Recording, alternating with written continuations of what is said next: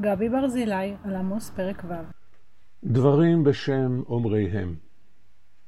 רוב היהודים סידרו לעצמם מסתור בעליית הגג, אבל אבא שלי אמר שהגרמנים בוודאי יחפשו שם. אז הוא סידר לנו מסתור מתחת לשולחן המטבח. היה שם שולחן גדול ומתחתיו ערימות של עצי הסקה.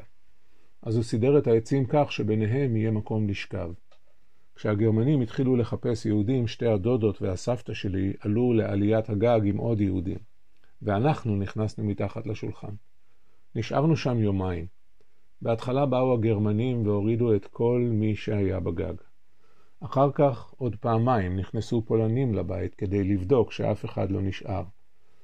בפעם האחרונה אחד הפולנים הגיע עד השולחן והתחיל לחטט בערימות העצים. אבל החבר שלו קרא לו ואמר, עזוב, כבר לא נשאר כאן אף אחד. אז הם הלכו. בלילה יצאנו והלכנו לחפש אוכל. יותר מיומיים לא אכלנו כלום. שרה פינצ'בסקי, סבתא של הילדים שלי. והיה אם יוותרו עשרה אנשים בבית אחד ומתו. ונשאו דודו ומסרפו להוציא עצמים מן הבית, ואמר לאשר בירכתי הבית, העוד עמך? ואמר אפס, ואמר הס, כי לא להזכיר בשם אדוני.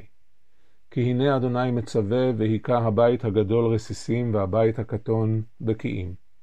עמוס, רואה בקר מתקוע. ניצלת כי היית ראשון, ניצלת כי היית אחרון, כי לבדך, כי אנשים, כי לשמאל, כי לימין, כי ירד גשם, כי נפל צל, כי היה יום שמשי. מזל שהיה שם יער, מזל שלא היו עצים, מזל שמסילה, וו, קורה, בלם, מסגרת, סיבוב, מילימטר, שנייה. מזל שקש צף על המים. בגלל, מאחר ש, ובכל זאת, אף על פי כן, מה היה לו יד, רגל, בצעד אחד, כחוט השערה, מצירוף המקרים. ויסלבה שימבורסקה, משוררת פולניה, סבתא של ילדים אחרים.